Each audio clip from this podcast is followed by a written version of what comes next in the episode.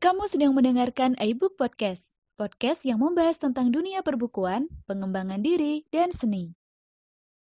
Jenong sedang memakai deodoran.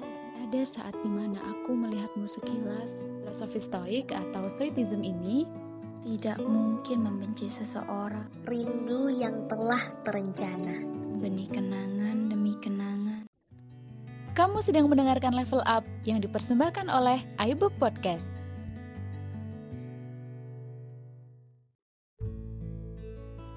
Halo sahabat iBook, apa kabar?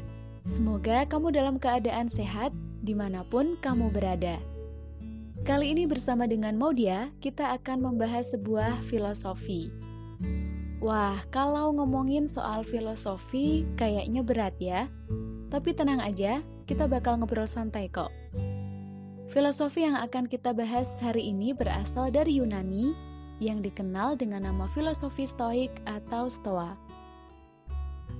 Pernah nggak sih kamu mau melakukan suatu hal dan udah melakukan persiapan dengan baik, kamu punya ekspektasi tinggi kalau hal itu akan berhasil dan berjalan dengan lancar. Tapi ternyata di luar dugaan kamu, hal itu justru gagal total. Ketika ekspektasi nggak sesuai dengan kenyataan yang ada, udah pasti kita akan merasakan emosi negatif. Entah itu sedih, kecewa, marah, atau lainnya. Dan emosi-emosi negatif yang kelewat batas ini bisa jadi sumber ketidakbahagiaan. Inilah kenapa kita perlu belajar buat mengelola ekspektasi. Nah, gimana sih caranya? Kita bisa pakai filosofi stoik atau stoa yang udah aku sebutin tadi. Filosofi stoik atau stoicism ini adalah sebuah aliran filsafat Yunani Romawi kuno yang dipelopori oleh Zeno pada tahun 300 sebelum Masehi. Sekarang kita ambil contoh nih.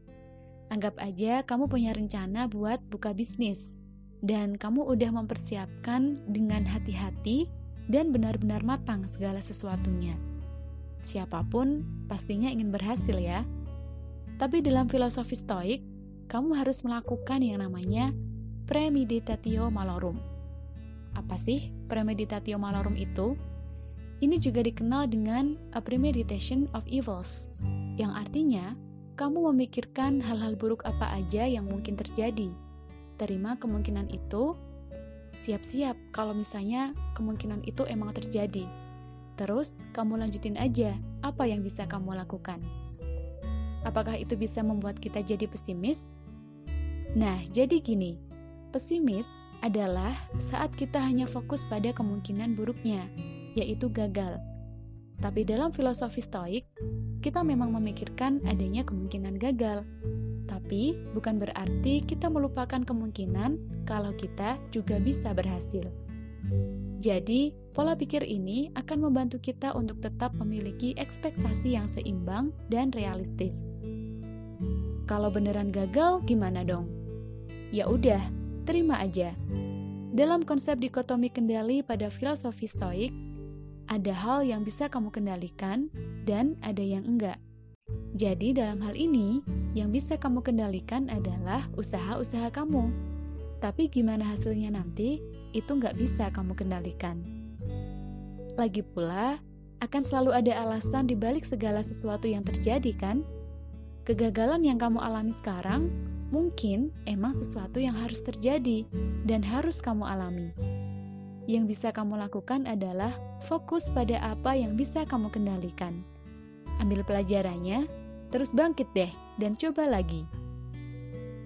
Jangan takut untuk memulai lagi, karena kali ini kamu gak akan memulai dari nol, tapi memulai dengan berbekal pengalaman. Sampai di sini dulu level up kali ini. Semoga bermanfaat ya buat kamu semua. Mau dia pamit.